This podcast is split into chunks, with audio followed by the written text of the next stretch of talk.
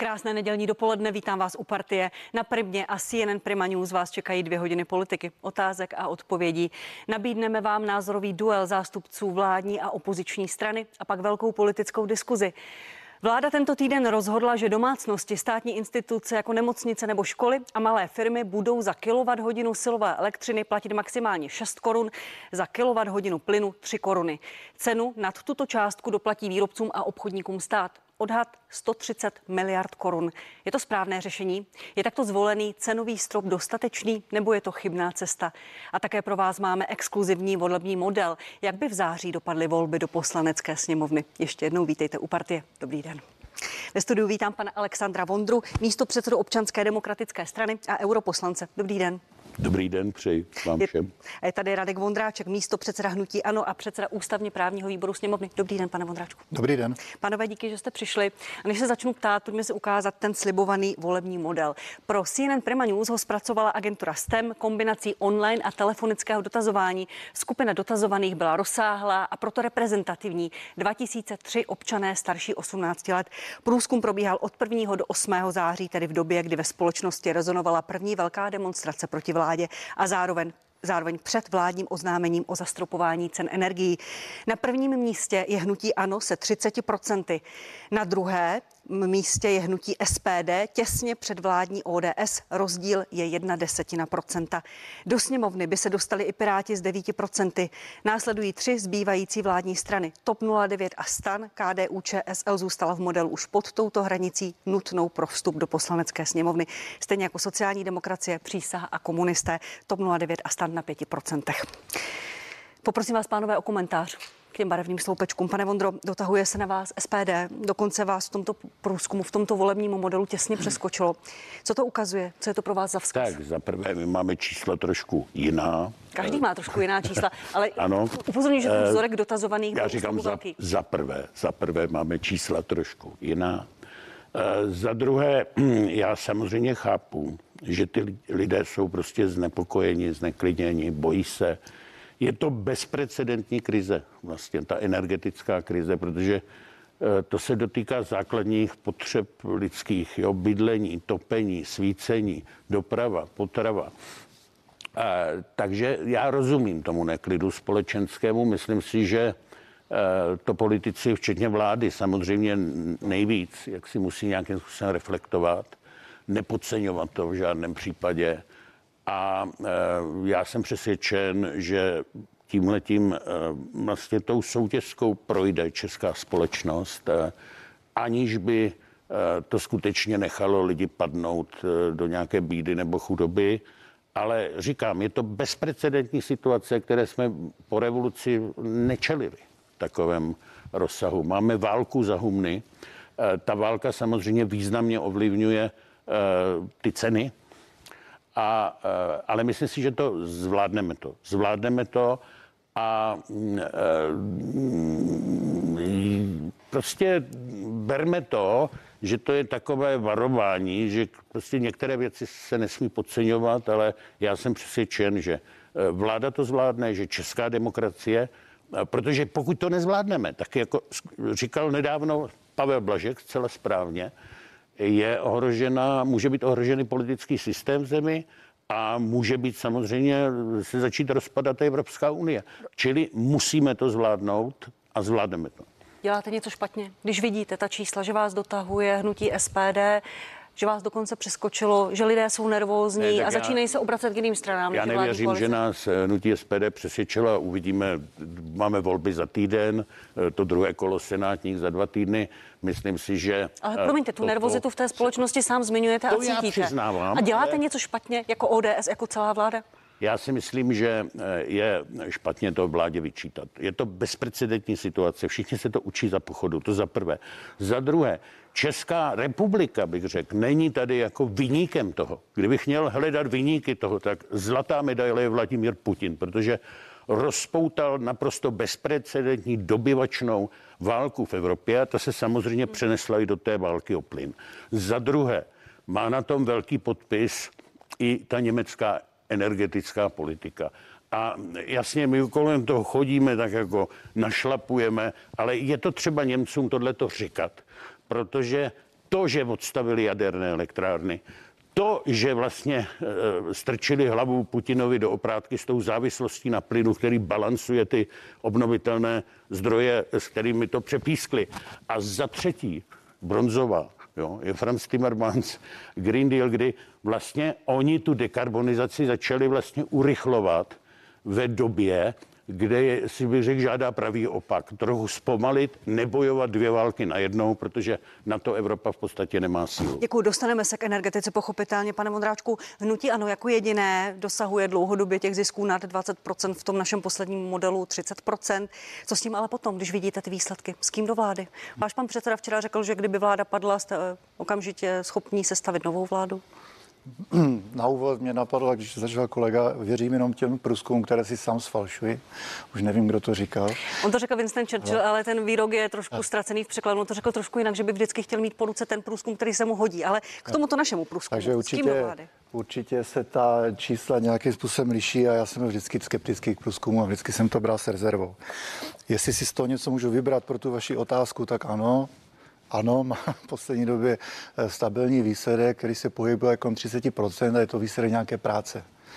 Je to výsledek práce té stínové vlády, která předkládá konkrétní řešení, která se chová konstruktivně. Je to práce v poslanecké sněmovně, že ačkoliv teda koalice by měla pocit, že bychom měli sedět někde v koutě a mlčet a my prostě se, se musíme vždycky málem uřvat, aby jsme něčeho dosáhli. Teď zaplať pámbu po šesti měsících diskuzí obrátili během 14 dnů a máme nějaké zastropování. Načení z toho nejsme, ale k tomu se dostaneme. Dostaneme. A vy jste si vybral část mojí otázky, kterou jsem ani nepoložila. Já jsem se ptala, když vidíte ta čísla. To kolega taky, to se vám stane ještě moc krát. Tady děláte všichni, ale s kým do vlády, když vidíte výsledky? Pojďte se. Kde, váš, je, kde vidíte vy, váš koaliční potenciál? To už je spekulace na druhou. My můžeme spekulovat, jak by dopadly volby, můžeme spekulovat potom, jak by se řešily koalice. Eh, jsme v době, kdy musíme řešit nějaké národní zájmy. Kdybychom opravdu měli se aspoň na chvilku pozapomenout na to, že ten je z koalice, ten je z opozice a měli bychom komunikovat. Ve spoustě zemí je tradiční menšinová vláda. Jestli se shodnou na nějakých národních zájmech, je to možné.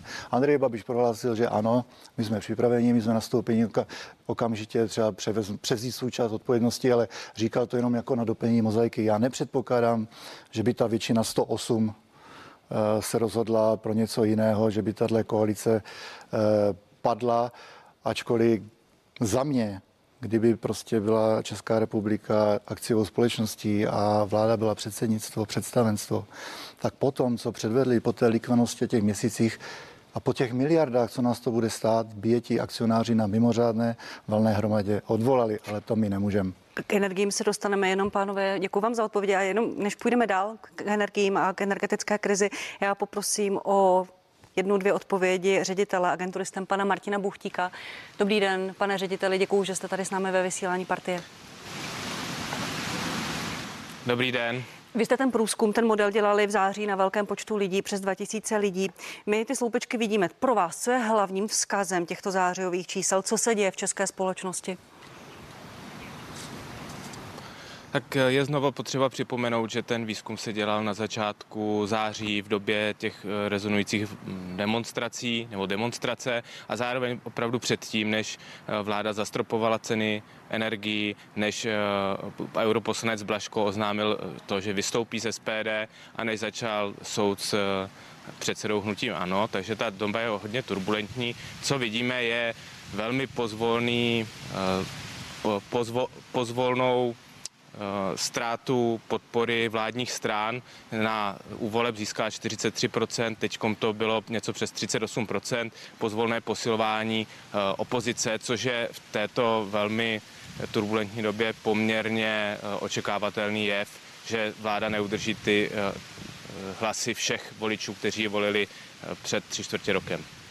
Říká Martin Buchtík, ředitel agentury STEM. Já vám děkuji, pane řediteli, a možná jenom dodám, že budete hostem i partie, partie Plus, která začíná hned po partii a budete se těm výsledkům toho průzkumu dále věnovat. Naschledanou. Děkuji, naschledanou. A, slyšeli jsme slova Martina Buchtíka. Z, těch, z, z toho průzkumu jasně vyplývá, že společnost je rozdělená na voliče opozičních a voliče vládních stran. Do toho vidíme velmi silné hádky dvou předsedů, premiéra Fialy a předsedy Andreje Babiše. A co s tím? Nezdá se vám, že ta atmosféra je už tak napjatá a tak nervózní a vyživíte ji i vy politici, pane Vondro?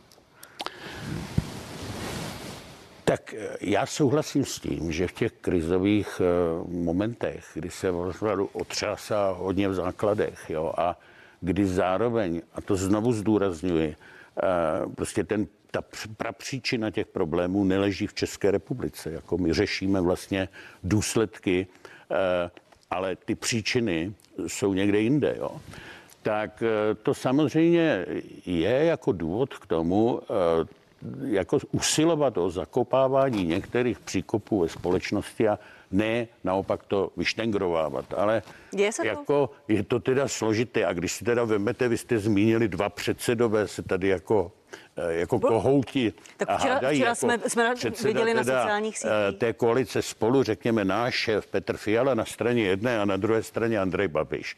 No tak Petr Fiala je ten, kdo tady vyhrocuje jako uh, válečnou retoriku ve společnosti, nebo je to Andrej Babiš? To já si myslím, že každý to, že ani nemusím napovídat, jo, že to je Andrej Babiš, kdo to permanentně tady přeci vyhrocuje. Pane Mondráčku, slyšeli jsme, že, nebo četli jsme, že pan pre, uh, expremiér nazval pana premiéra Babělcem, tak dále. Včera se dohadovali na sociálních sítích, vyměňovali si vzkazy. Pan předseda má velmi silnou retoriku, pan předseda Babiš.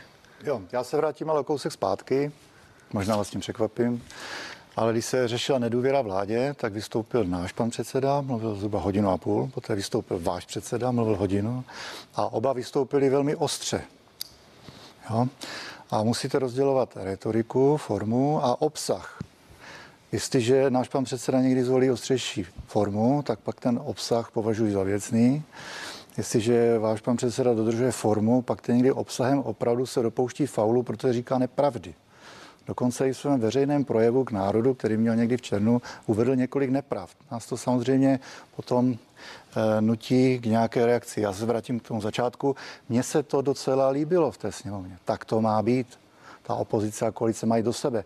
My se ještě musíme v té České republice trošku naučit tu formu. Promiňte, v čem pan, v čem pan premiér lhal? V čem pan uh, premiér neříkal pravdu? Ale to, to bych si tady vzal statistiku, můžu říct jako příklad, když si eh, vzal do úst ten plynovod Stork, o kterém už potom i nezávislé servy řekli, že prostě vláda na to neměla žádný vliv, stopli to Poláci a tady se prostě vedla retorika, že to byl Andrej Babiš, kdo to no ne, no, tak pozor, zastavil. pozor, jako a tak si tady já zvolím... nalejme si čistého vína. Já pojďte, jsem, pojďte, ne, promiňte, zmínil jste to. paní ne, ne, ne. Zeptala, já jsem nechtěl jít do toho detailu. Ne, ale my v tom, ne, pro, promiňte, pane Vondráčku, já jenom nechám pana Vondru reagovat na Stork, protože z toho, že pan premiér lže, ho řekl i server a bronzovou opravdu do ciziny, jo ale tu bramborovou jako realita je, že my jsme skutečně museli od jara, od toho prvopočátku řešit především to, aby tu bylo dostatečné množství vůbec plynu k dispozici. Teď řešíme, za kolik bude, ale... A promiňte, a že, že není Stork 2, za to může Andrej no, Babiš, protože ano, eh, určitě, tam měl velký vliv dvě soukromé společnosti. Když, když vládly,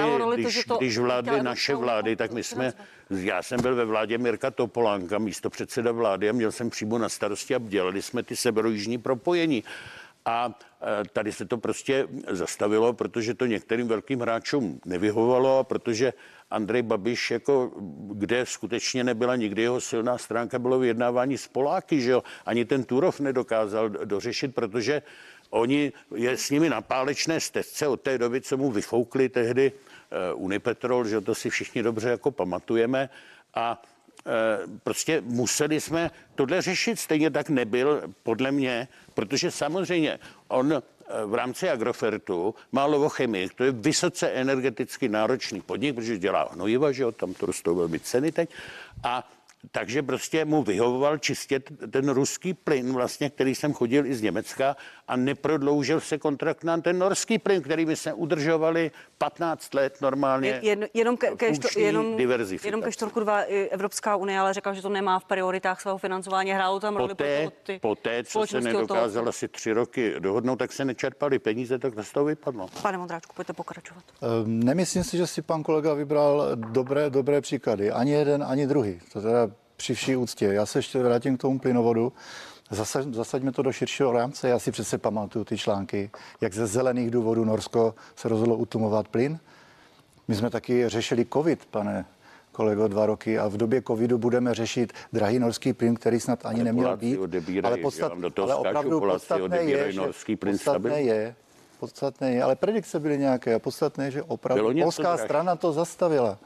A my nemáme ty společnosti, Bylo které se měly podílet na stavbě. My nemáme ty sítě. Promiňte, pojď- Vláda to podporovala, je to Pane- všechno na černé na bílém. Pane, Vláda pane Vondro, pane Vondráčku, pojďme to- se vrátit k tomu rozdělování společnosti. No, tak říkal Může jsem, za to Andrej to- Babiš, protože pan Vondra říká, že ty příkopy vykopává, rozkopává Andrej Babiš a že tu společnost štve. On pojďte na to Je reagovat. to, je to opravdu laciné a samozřejmě je to jenom z jedné strany, protože já pamatuju. A já pamatuju, že když byl Andrej Babiš premiér, tak výrazně ubral a snažil se o nějaký eh, rozumný styl. A tenkrát v době covidu, nezlobte se, nemůžu srovnávat naši opozici dnes a vaši v době covidu. To byla prostě hysterie, to byly, to byly e, situace, kdy se hlasovalo o zrušení nouzového stavu v době, kdy jsme měli plné nemocnice. A tenkrát, tenkrát to byl obrovský opoziční tlak a ta retorika byla tvrdá. Dneska večer má pan premiér svůj třetí letošní projev mimořádný k národu. Vy jste řekl týden před volbami je to, takže to považuji za hrubé zneužití funkce premiéra. Co vám na tom tak vadí? My nevíme, co tam pan premiér řekne, jestli bude ovlivňovat volby, manipulovat, nebo promiňte, mobilizovat voliče. Když to takhle neřeknete v téhle s- sněmovně, tak vás nikdo neposlouchá. Já doufám, že si to pan premiér eh, zapamatoval a že doufám, když teda ten projev nezrušil, takže aspoň ho ještě neměl přetočený a že se opravdu vyvaruje čehokoliv a jakékoliv propagace. Protože i spousta expertů a politologů to eh, ozna, označila za mezní situaci. Já si myslím, že už je to zamezí. Prostě poslední týden před volbami mít mimořádný projev, když se neděje nic mimořádného, kromě toho, že vláda nezvládá uh, tu energetickou krizi, že nám vlastně nemá říct co nového. On měli do sněmovny a měl to říct té sněmovně. A tam je to legitimní. A já jsem ho před chvilkou pochválil, že se vymezil. Měl, Pane- měl jít do té televizní debaty, ale ne mimořádný projev ve sněmovně eh, před národem předvečer voleb, když to přeženu. A zítra startuje za 24,5 milionu nějaká kampaň, kterou zase platíme všichni a která zase je vlastně provládní a podporuje vládní politiku. Jenom- jenom Já si poznámka- to nedokážu představit v době, ano, jaká by byla hysterie, kdyby jsme něco takového udělali. Jenom malá poznámka do dnešní debaty předvolební na CNN Prima News Premier nejde, protože z pověření pana prezidenta letí do Londýna dnes večer má v Buckinghamském Ale paláci, také paláci eh, recepci na pozvání nového krále Karla III. Pane místo předsedo Vondro, zneužívá premiér svoji funkci? Je opravdu pět dnů před volbami a bude mít mimořádný projev na všech celostátních televizích? Ne, v žádném případě. Eh, Já ten projev neznám, bude asi přetočený, protože skutečně odlétá dneska na pohřeb do Velké Británie a nemohl odletět zítra, protože tam se sjíždí celý svět a ty sloty eh, pro ty letadla jsou prostě takhle dané. Eh, To není žádný, žádný jeho taktický manévr. A to za prvé. Za druhé, já ten projev samozřejmě neznám, ale vsadím se tady s váma, že zcela jistě Petr Fiala je typ toho gentlemana a nezneužije toho eh, k tomu, aby tu dělal nějakou volební kampaň v, v televizích, že to bude čistě informační k tomu, co... K energiím. No samozřejmě, samozřejmě. A e, za třetí, jako zase, jo, velmi dobře, i vy si musíte pamatovat, že týden nebo deset dnů před e, dva týdny, no, tak to je týden nebo dva, to je, to je na stejno. E, Před volbami v roce 2020 Andrej Babiš ke covidu vystoupil e, v české televizi nebo v těch televizích, vlastně televizích, ve všech televizích. Takže já si myslím, není to nic, co by vybočovalo z tohohle rámce. A jsem si zcela jist, že Petr Fiala je typ člověka, který určitě tohleto nezneužije k nějakým nekalým V praktikám. roce To je 2020 tak byly, těžké, promiňte, že já promiňte, myslím, že to pane Vondráčku, to ani nejde zvládnout. Pane Vondráčku, to- volby před dvěma lety byly 2. 3. 10. Ten projev Andreje Babiše byl 21. 9. Byl to covidový projev v úvozovkách. Pan Andrej Babiš tam říkal, že vláda zachránila tisíce životů, věnoval se covidu, ale mohlo to být také vnímáno jako jako součást volební kampaně. V čem je to Vždycky- jiné teď? Jenom v tom času? Vždycky, ne, vždycky je to prostě problém, protože je to obrovský A byl to prostor, problém i který pro nemají Andreje Babiše? strany. Pan, eh, pan Babiš dodržel teda opravdu tu covidovou tematiku a měl co říct. A vy jste sama řekla, tohle už je třetí projev Promiňte, ale, ale my nevíme, co A pan premiér řekne, jestli se bude co tam bude teda držet tak energií. aktuálně, že by to nepočkalo po volbách. To já Teda, nevím. nebo jak si dělali To už zjistíme na, na sítích legrací leda, že by oznámil, že se všem omlouvá a rezignuje celá vláda. To bych pochopil, že to nepočkalo. Promiňte, když bude pan premiér mluvit o covidu, o řešení, eh, promiňte, o energiích, o řešení energetické situace, bude to v pořádku nebo ne? A já jsem opravdu zvědav. Doufám, že ten Bude- apel, doufám, že ten apel Promiňte, slyšel. bude, a pak to bude v pořádku a řeknete, Počkejme že, na ten projekt, že pan. Já premiér to říkám, je nezneužívá? Tak těžká tak těžká disciplína, aby naprosto potlačil sebe a nějakou sebeprezentaci, když bude vysvětlovat třeba nějaká řešení, že kdyby se na to vykašlal, udělal by lépe. Ono je to těžké. Říkáte tady týdny, že vláda nekomunikuje. Když se premiér rozhodne komunikovat skutečně tímto způsobem, tak je to zase špatně. Já jasně opozice, pozice máme tady eh, chvilku do voleb, tak je to vyštengrované, ale myslím si, že když se na to podíváme trošku takhle jako z nad, nadhledu a z odstupu, tak se neděje nic jako nefér. Uvidíme, já mám, uvidíme já mám nadhledu večer. spousta, ale prostě vy říkáte dialog, projev není dialog. Ten dialog má vést ministr Síkela, který se nebaví s nikým. Já jsem říkal, A, říkal dobře, nekomunikuje. Pan ministr Sikela tady byl, tady byl hostem minulý týden. Pojďme, pojďme k energiím, pánové. Uvidíme dnes večer, co pan premiér řekne, jestli bude mít pravdu pan Vondra, který se chce vsázet, nebo ví, že zneužívá pan premiér situace před volbami. Vláda tento týden schválila strop pro energie v pátek. To schválila také sněmovna 6 korun za kilowatt hodinu silové elektřiny, 3 koruny u plynu. Jestli dovolíte, pánové, já teď trochu sjednotím a převedu ty jednotky, protože pro lidi je to velmi matoucí kilowatt, megawatt hodiny, eura, koruny. V přepočtu je to 240 euro za megawatt hodinu. Francie 46 euro platí eh, teď lidé, na Slovensku je dohoda, která má platit od 1. první, jestli to tak bude, nevíme. A dohoda je na 61 eurech. Španělsko, Portugalsko tam mají strop na plyn, eh, na, na plyn pro výrobu elektřiny a cena tam je 156 euro za elektřinu. V České jaderné elektrárně, pane místo předsedo Vondro, vyrábíme za 35 euro, v uhelných i s těmi povolenkami kritizovanými za 70 euro. Proč je ten strop tak vysoko? Jak to vysvětlíte lidem? Rozdíl mezi 35, 70 a 240 a pak to výrobcům doplatíme. Tak já jsem byl ve Štrasburku celý týden, takže jsem nebyl v té sněmovně, ale vlastně mm, já to chápu tak, že se schválil vlastně zákonný rámec a že ta vláda má možnost to nějakým způsobem ještě jakoby upravovat podle toho, jak Zdá se vám vlastně ten strop vysoko, nebo ne? dopadnou eh, já prostě eh, odmítám tady debatovat teď o nějakých číslech, protože neznáme ještě všechny ty proměny. Jo? A mm, eh, vláda, to je ta velká diskuze, jestli to zastropování se mělo jakoby odehrát jako na tom výstupu u výroby, anebo No, vlastně tam- tam, promiňte, eh, mířím, u, já- u obchodníků. Jo? Ale ta, či- promiňte, já vám A- nechci scházet do řeči, ale ta čísla, chápu, že proměna je ta, těch 130 miliard, že to No, je vyloženě že jako hypotetické toho číslo. evropského řešení, ale 6 a 3 které koruny řekla vláda. evropské řešení, které se jaksi nabízí zatím komise, ale taky to nemá ještě definitivně, tak je jako u, u výroby fakticky, ale ne u veškeré. Že jo, jo? Vlastně neřeší otázku e, plynu vůbec, včetně teda výroby elektrické energie z toho plynu. E, To je, tady nám se prostě nepodařilo je přesvědčit. To jsou zase ty Němci, že jo? protože oni by se nedoplatili, jako v tomhle případě. A vláda proto podle mě celkem pochopitelně, navíc když ještě jako vlastně velká část těch er- elektrické energie prodaná na to příští nebo dva roky dokonce, jo, tak to řeší e, vlastně na té, na té ceně, na té ceně u, u obchodníků s tím ale, že ještě udělá jednu věc přeci. E, Zdaní ty výrobce. Ale zatím nám Za- to neřekla, že zdaní No, ne, ty řekla- výrobce a neřekla ne. kolika procenty. To zatím neřekla, protože znovu... Řekla, že má plán to zdanit, ale zatím ten návrh neprojednali. No, ale tak ten plán, ten se připravuje s tím, že defini, tady to musíte mít to číslo v zákoně, že jo, to je prostě daň. Tak buď to bude cestou té daně z těch eh, nepřiměřených zisků, nebo jak říkal Zbigněk Staňura jednu dobu i válečná daň, kde by byly eh, energie, petrochemici a eh, také asi banky.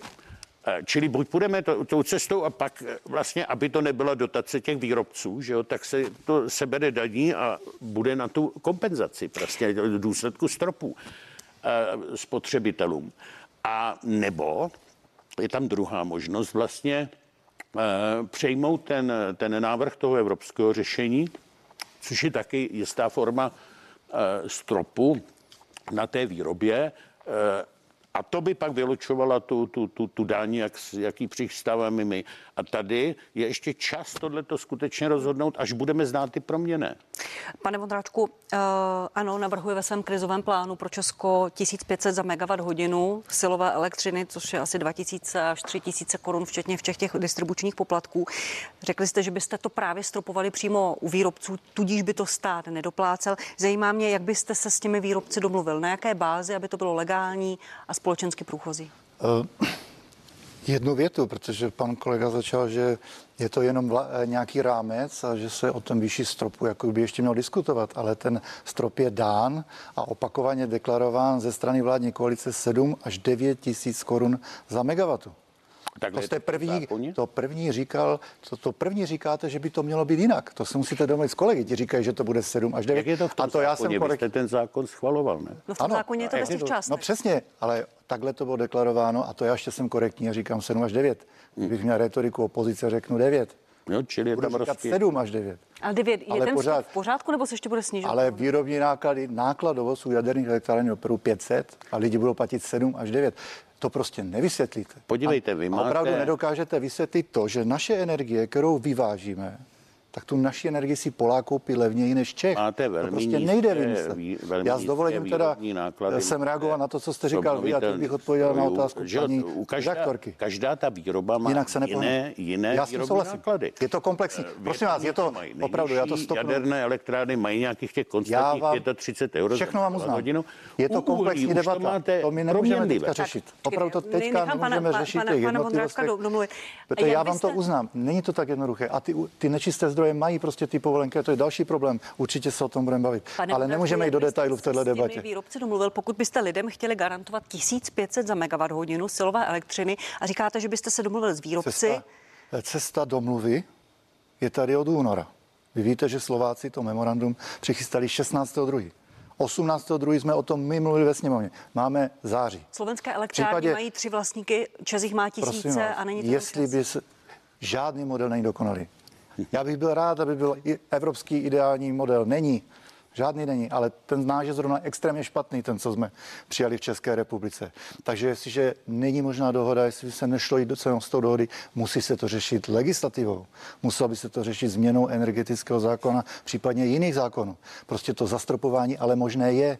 A vy víte, že Evropská komise uvolnila těm členským státům ruce už v březnu. Ale tahle vláda neudělala nic. Pan, pane Vondru, než se začnu ptát dál, promiňte, já jenom zmíním to, co říká prezident České republiky. On říká, že tady máme zákon o cenách a v rámci něj by se mohla regulovat cena na základě toho nákladu plus nějaký přiměřený zisk a takto se má stát výrobci Ano. domluvit a nařídit jim to. Eh, Je to možné? To si takhle jednoduše řekne a takový model jakoby eh, byl funkční v případě, že není jako významná část té elektřiny za prvé už prodaná, za druhé, eh, aby se nám pak nestalo, jo, že najednou zjistíme, že to nakoupili někde Němci, že jo, a teď my to budeme zpětně pak kompenzovat Němcům. To je úplně prostě záhranou pro.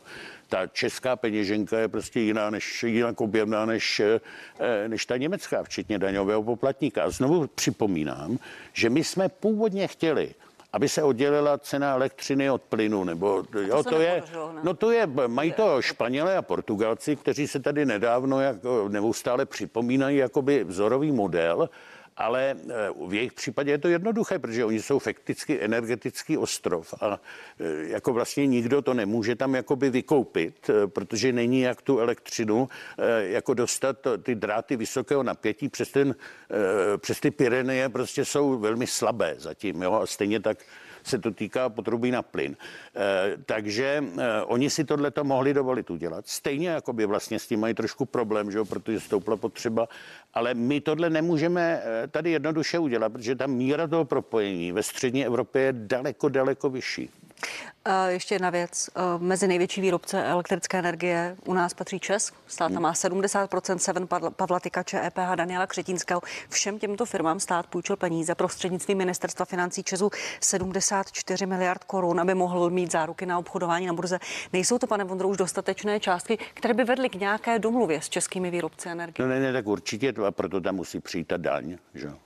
To je. A ta by měla být kolik, teda nad nějakou částku? Já vám to číslo neřeknu, to skutečně Může to být jakoby 100%, že si to stát prostě to se ptejte, ptejte se ministrů České vlády, já jsem europoslanec, nechci tady prostě vytahovat nějaká čísla. Eh, Znovu říkám, to číslo vyplyne taky mimo z toho, až budou známy všechny proměné a, a je to také otázka, toho evropského řešení. Já takhle, my jsme nečekali v jedné věci, protože je třeba jasně dát jako malou byratelům, to znamená domácnostem, drobným firmám, živnostníkům, že vlastně to zvládneme tu zimu, že nebudou platit to na, na účtech eh, za elektřinu a za plyn to, co hrozilo tuto zimu. To jsme vyřešili tím letím.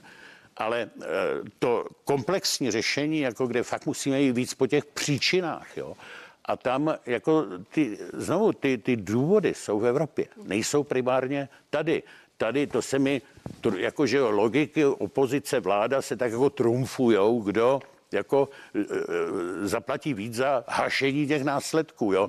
Ale takhle tohle není řešení, protože se dostaneme na limitní částku, na kterou státní rozpočet prostě už nemá.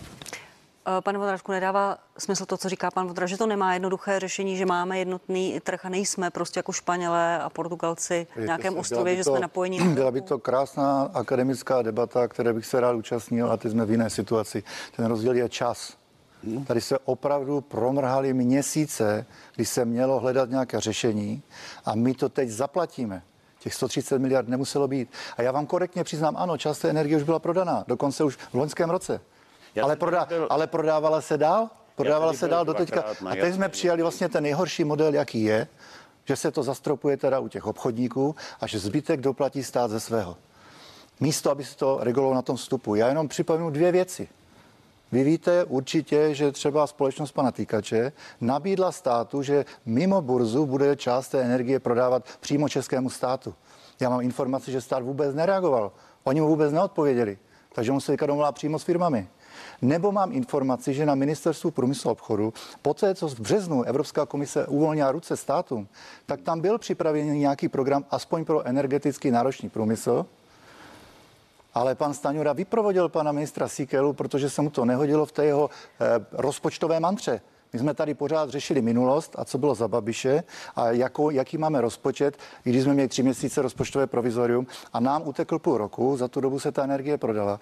A ti obchodníci, oni si samozřejmě obstarali a ti distributoři si obstarali už tu drahou energii, a teďka my budeme doplácet ten rozdíl ze svého. A to nebude 130, bude to víc. A samozřejmě minimálně tam přibude ještě dalších 30 na ty kompenzace. 160 miliard. To jsou náklady, které jsme prostě kompenzace nemuseli. velkým firmám, to které jsme prostě nemuseli se nevejdou toho stropu. Pane, pane, promiňte, pane místo předseda Vondro, nemá pan místo předseda Vondráček a opozice pravdu, že je to prostě pozdě, že se celé ty měsíce vláda tvářila, že to nějak zvládneme, odmítala zastropování, odmítala to ještě zhruba před měsícem a teď jsme v této situaci. Tak já tady byl dvakrát u vás na jaře. Ano myslím dokonce poprvé to bylo v březnu, kdy jsem vyslovil tezi, možná si to pamatujete, že se vláda nakonec zastropování nevyhne. Jo?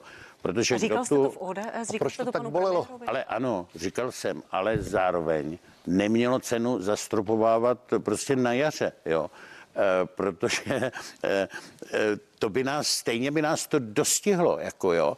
E, jako myslím si, že důvod jako bylo to, co se dělo na těch eh, energetických trzích jako dál, že jo? Vlastně ten faktický kolaps, jako jo, ke kterému došlo. A kdybychom to řešili, já jsem vyslovil jenom jako hypotézu, jo, že to vládu dostihne. Samozřejmě to dostihlo, a zareagovala, podle mě zareagovala dostatečně včas, tak, aby jsme byli schopni tu topnou sezónu pro domácnosti a maloodběratele řešit. To, to bude, nikdo se nemusí bát. Jinou otázkou samozřejmě jsou ty velké podniky, kde řešení ještě není, hledá se, ale tam tam ho nenajdete na té národní úrovni, protože eh, bychom, kdyby jsme začali prostě to dotovat jako bez ohledu na eh, společný trh, jo, tak se může jednoduše stát, že pak Němci jako začnou dotovat víc, můžou si to určitě dovolit a je to konec českého průmyslu. Promiňte, ale Němci který... spustili ten krizový rámec, stejně jako francouzi volali potom tady ale ne, průmyslové podniky. Krizový, krizový... A teprve teď ministerstvo říká, že se to teprve teď začne spouštět. No to se ptejte pana ministra Síkely, no. ne mě, ale eh, to stejně neřeší, neřeší ty největší, eh, největší eh, podniky tady. Že jo? Přežije to český průmysl? Já určitě... Těmi kompenzacemi pouze bez nějakého stropu?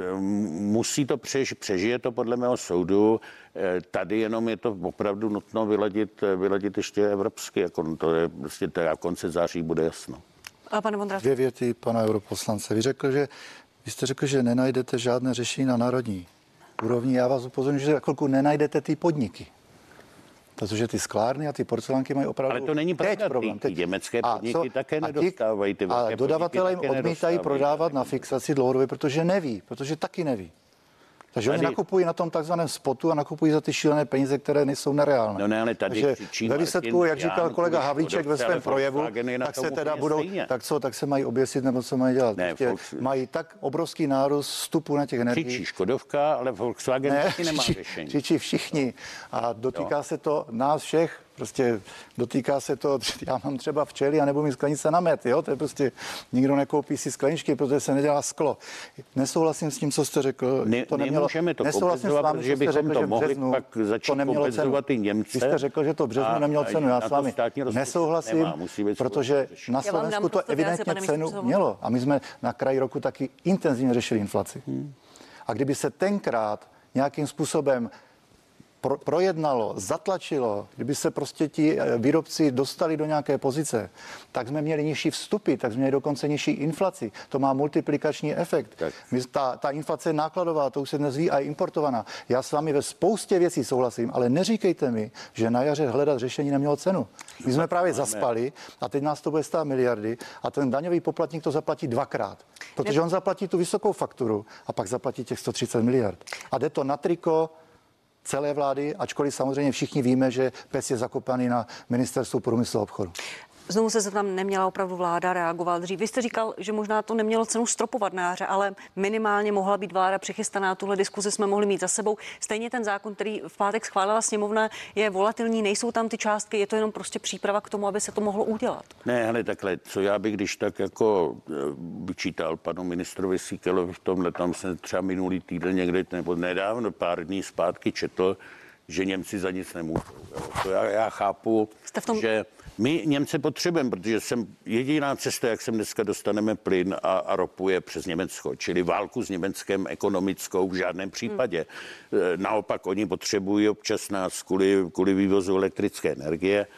Eh, Takže se vzájemně potřebujeme, ale to neznamená, že jim do očí nemáme říkat na tvrdo, že eh, v této situaci jsme se dostali taky kvůli jejím chybám. Znovu říkám, odpojení jaderných, útěk od jaderné energie byla obrovská chyba, která se dneska promítá i do té krizové situace ve Francii. Že? Pro- promiňte. Francie má odstavené podo- polovinu jaderných elektráren, protože za prezidenta Holanda, když byla tady ta protijaderná hysterie, tak samotná Francie vlastně nevěděla, jaká bude budoucnost a neinvestovala, eh, neinvestovala do té regenerace. jo. Promiňte, promiňte, pane, pane místo natvrdo to řekl o Německu eh, polský premiér Moravěcky ten minulý týden řekl pro Der Spiegel, že celé to uh, ohrozilo Německo svojí, svojí chybnou politiku. Čemu by pomohlo, kdybychom i my to říkali takto nahlas, to, co vy si myslíte a to, co je podle vás příčinou té krize? Podívejte, já nejsem, já jsem vyjednával česko-německou deklaraci kdysi dávno jako mladý diplomat a e, vlastně ta řešila to, co nevyřešila ta původní česko-německá smlouva, že jo, kterou dojednával ještě Jiří Dinsbier. A to bylo takové vlastně vstřícná gesta vůči Hans Dietrichu Genscherovi. My jsme ni k čemu nevedla. My jsme se z toho pak poučili. Němců je to prostě třeba říct na rovinu. Oni to reflektují. Oni se dneska omlouvají, ale musíme jim to jako říct a, a pohnout s nimi, protože znovu říkám, neodstraníme-li ty příčiny, nebudeme-li řešit příčiny problému, na následkách to eh, jako nena, ne, ne, ne, nespravíme, protože eh, na to jako ten státní rozpočet fakt nemá. A mimochodem k té inflaci, že jo, ano, je tady vyšší inflace než v evropském průměru, má to dva příčiny. Jednak jsme Rusku blíž, čili víc jsme bohužel záviseli na, na, na jejich plynu, než řekněme právě třeba to Španělsko nebo Portugalsko, a, eh, nebo Francie třeba. A, ale za druhé je tam i podíl toho, že prostě vy jste rozhazovali ty peníze i v dobách covidu víc, než bylo potřeba. Nechám vás reagovat, pane, pane místo předsedo Modráčku, a možná krátce k Německu. Vy jste, já, bych, Německo? já bych navázal na tu vaši otázku, ta se mi líbila. Eh, Čemu by to pomohlo? No pravdě by to pomohlo. Je potřeba, Souhlasí- je potřeba na ty věci... Souhlasíte s panem Vondrou? On tady ano, je, medaile. a, to je dru, a to je druhá, že jo, teď bych udělal taky malou odmlku a řekl bych vzácná chvilka, já naprosto souhlasím s panem kolegou Vondrou, protože a není pravda, že my bychom našlapovali, ale velice korektně, ale úplně jasně to řekl Karel Havlíček právě na poslední schůzi poslanecké sněmovny, kde to, kde to prostě rozebral, protože říkal, bez, bez toho, že si řekneme příčiny a že to zanalizujeme, nebo řekneme si to nějakém dynamickém procesu, tak tomu nemůžeme rozumět.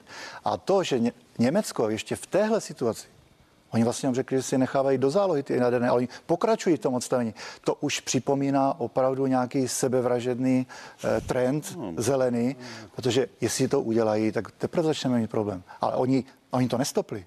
Oni to uvažují. vzpomínám- Takže opravdu ta těžká závislost Německa na plynu, ten nevyvážený energetický mix, to prostě to, ty, ty zelené myšlenky, tak ty nás přivedly tam, kde jsme, ačkoliv jsme soběstační v energii, ačkoliv jsme exportérem energie, tak díky té provázanosti se dostáváme do takových problémů, že opravdu my máme nekonkurenceschopné podniky v České republice a my jsme nejprůmyslovější země Evropské unie a nás to bude stát nejvíc.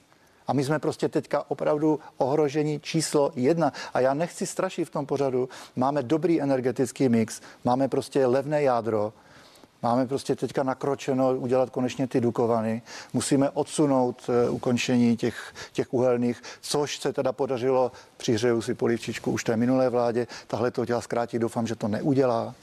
Pane, A tak bych mohl- tak bych mohl pokračovat. reakce A půjde k druhému tématu. Ne, my se shodneme na tom, Zase že ta zelená shodujete. politika udělala chybu, ale eh, jenom připomínám zase na Margo Německa, tak když jako Angela Merklová jako stavěla Nord Stream jo, a prohlubovala tu závislost, tak já si jako nespomínám, že by Andrej Babiš, Poláci vystupovali, Andrej Babiš, on má přeci tu největší investici v Pístadlic tam u, u Wittenbergu a podle to na mě si nezkoušejte, já tomu- já budu mluvit za sebe. do, do, do situace, kdy by to nebyla pozice Andreje. Babiše a jeho zájmu, to byla prostě pozice České republiky, protože my jsme stejně všechno nakupovali na veškerý plyn, no. plyn jsme stejně brali přes Německo na západních trzích. Nám to relativně mohlo být jedno, naopak to mohlo pro nás ještě získat lepší cenu. Polák měl jasný strategický zájem, Ano. protože měl s Ruskem svoje historické zkušenosti, které jim nemůžete Drželi si eh, vyčítat. kontrakt, postavili terminály LNG. No a u nás Poláci na to... a my jsme se svezli s Německem a teď na tom, teď na tom, eh, jak si dochází, teď na to docházím. Jestli dovolíte, zůstanou vás, pane místo předsedo Vondráčko, zůstanou i u pana expremiéra, protože v pondělí začal ostře sledovaný soudní proces s Andrejem Babišem v kauze Čapí hnízdo. Sám Andrej Babiš minulý týden ve sněmovně mluvil o tom, že je to první polistopadový proces od roku 89 a slova potom u soudu vzal zpátky. Včera to vysvětloval i pro právo. Bylo vhodné, aby takto mluvil? Takže já jsem nesi, nečetl to, co vysvětlila pro právo. Takže to takto Říkal nemyslel. politický proces, myslel spolitizovaný. Ale říkal, možná, možná- říkal politický a řekl Ano. to v té sněmovně asi 15. A říkám, a myslel spolitizovaný. A on nerozlišuje, nebo nerozlišoval tu nianci, možná i díky jazykové vybavenosti, ale myslím, že obsahově to bylo jasné. Čili- Jestli to potom vysvětlil, tak o to lépe. Čili není Já to si teda myslím- už podle vás politický Já to vidím asi, že jo, možná mi řeknete, že nejsem objektivní, ale já vidím Jste ten... místopředsedou ale, hnutí ANO. No právě, takže, ale já se opravdu snažím o nějaký nezaujatý postoj, snažím se to nekomentovat, protože jestli vyčítám svým politickým oponentům, že to neustále připomínají, že, že hodnotí vůbec nějakou, nějaký obsah toho spisu, je to nevhodné, tak přece se nebudu chovat stejně. Ale jestliže teda mluvíme o spolitizovaném procesu, je tady obrovský mediální tlak. Já myslím, že ta... Promiňte, v já čem je myslím, to že, spolitizované? Je to soud s politikem v kauze Eh, Já tady veřejně říkám, že kdyby Andrej podvodu. Babiš nešel do politiky, tak ten proces nebyl. To prostě je je holý fakt a to já myslím, že ví plus minus v téhle republice každý. A jestliže se vytváří takový politický a mediální tlak, který končí až klecí před soudem, tak Andrej Babiš teďka v pozici obžalovaného vytváří protitlak a je to prostě jeho legitimní právo. To říkáte teď jako advokát. Ne? Já se tomu na to celou dobu snažím dívat jako advokát. Já jsem rád, že teď už probíhá to soudní řízení. Snažím se to nekomentovat, ale mohu říct, že aspoň co se týče procesní stránky, tomu nelze co vytknout. Obhajoba má prostor předkládat své důkazy, eh, státní zástupce předložil důkazy, provádí se ty důkazy. Nechme teď pracovat ten soud, ať si o tom myslíme, co chceme, protože aspoň procesně já jsem tam nezvedal zatím problém. Mám osobní problém teda s výpovědí Andreje Babiše mladšího. Eh, Myslím si, že to nevyhodnotil pan soudce dobře, že napřed jsem měl dělat posudek co mu to může udělat, že prostě tam vystoupí. Tak my na druhou stranu a- nevíme, jak to pan uh, předseda já, Senátu. já, pan, jsem, pan já jsem vyhodnotí dlouho, já jsem, já jsem zažil to vystoupení Andreje Babiše mladšího tenkrát v Ústí, bylo to extrémně nepříjemné, je to prostě smutný příběh, tak to je možná drobná výtka, kterou si dovolím ve veřejném prostoru, ale je to na tom soudci. Pane- A musím říkat, že prostě procesní pravidla v tuto chvíli jsou dodrženy, nechme pracovat Děkuju. soud. Pane místo předsedo Vondro, je to spolitizovaný proces nebo je to soud s politikem v kauze údajného dotačního podvodu? Takhle politický proces to v žádném případě není a tady ta, ten incident vlastně lepší vysvětlení toho je, že Andrej Babiš, možný kandidát na prezidenta, prostě e, neovládá český jazyk a, a nechápe docela zásadní jako e, niance e, rozdílu. Jo? To je, že to lepší vysvětlení, bohužel. A jinak tomu já jako opravdu ten proces nechci jakoby hodnotit, to mi ani nepřísluší, jo, to je soudní proces a je tady třeba dát průchod právu, ale to, že je svým způsobem spolitizovaný, no tak podívejte, Andrej Babiš je léta tady obviněn, obžalován a a zároveň tady byl premiérem, teď kandiduje možná na prezidenta, to, to vlastně nevíme. Máme se to dozvědět na no konci a to je prostě, já bych řekl, úplně v rozporu s tím, jak já si pamatuju politickou kulturu této zemi. A abych nemluvil o něm, já si pamatujete, že jako eh, jsem čelil prostě různým eh, velmi tvrdé kritice kvůli promopru. Nikdy jsem nebyl obviněn, nikdy jsem nebyl obžalován a normálně jsem odešel jsem z politické funkce, nekan, jo, odešel jsem z politiky na 6 let, jo, nebo 7 let a pak jsem se v demokratických volbách vrátil a ještě velmi pokorně jsem šel úplně ze spoda, jo, kandidát. A to měl podle vás udělat Andrej Babiš? No, prostě za našich dob to tady tehdy k politické kultuře jak si patřilo jako představa, že obžalovaný člověk prostě eh, je ve funkci, dokonce se ukází o, o funkci nejvyšší, je pro mě teda opravdu jako mimo eh, rámec toho, co třeba eh, v normálních standardních demokraciích jako vidím. Pane Mondráčku, bude se Andrej Babiš od, ucházet o tu funkci nejvyšší? Já vím, že říkáte, že se to dozvíme na konci, na konci října, on to slíbil 28. října. A tak, jak vidíte, jak se vyvíjí ten proces, jak možná Andrej Babiš to snáší, lomeno nesnáší, nevím. Jak je to pravděpodobné?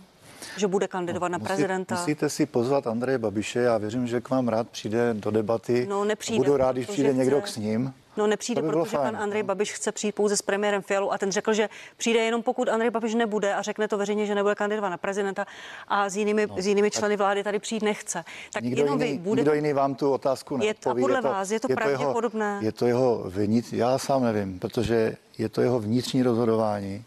On je samozřejmě v tuto, já už jsem to někde říkal, On je nejsilnější politická figura v České republice, to prostě každý uzná. On má veškeré dispozice k tomu, aby kandidoval.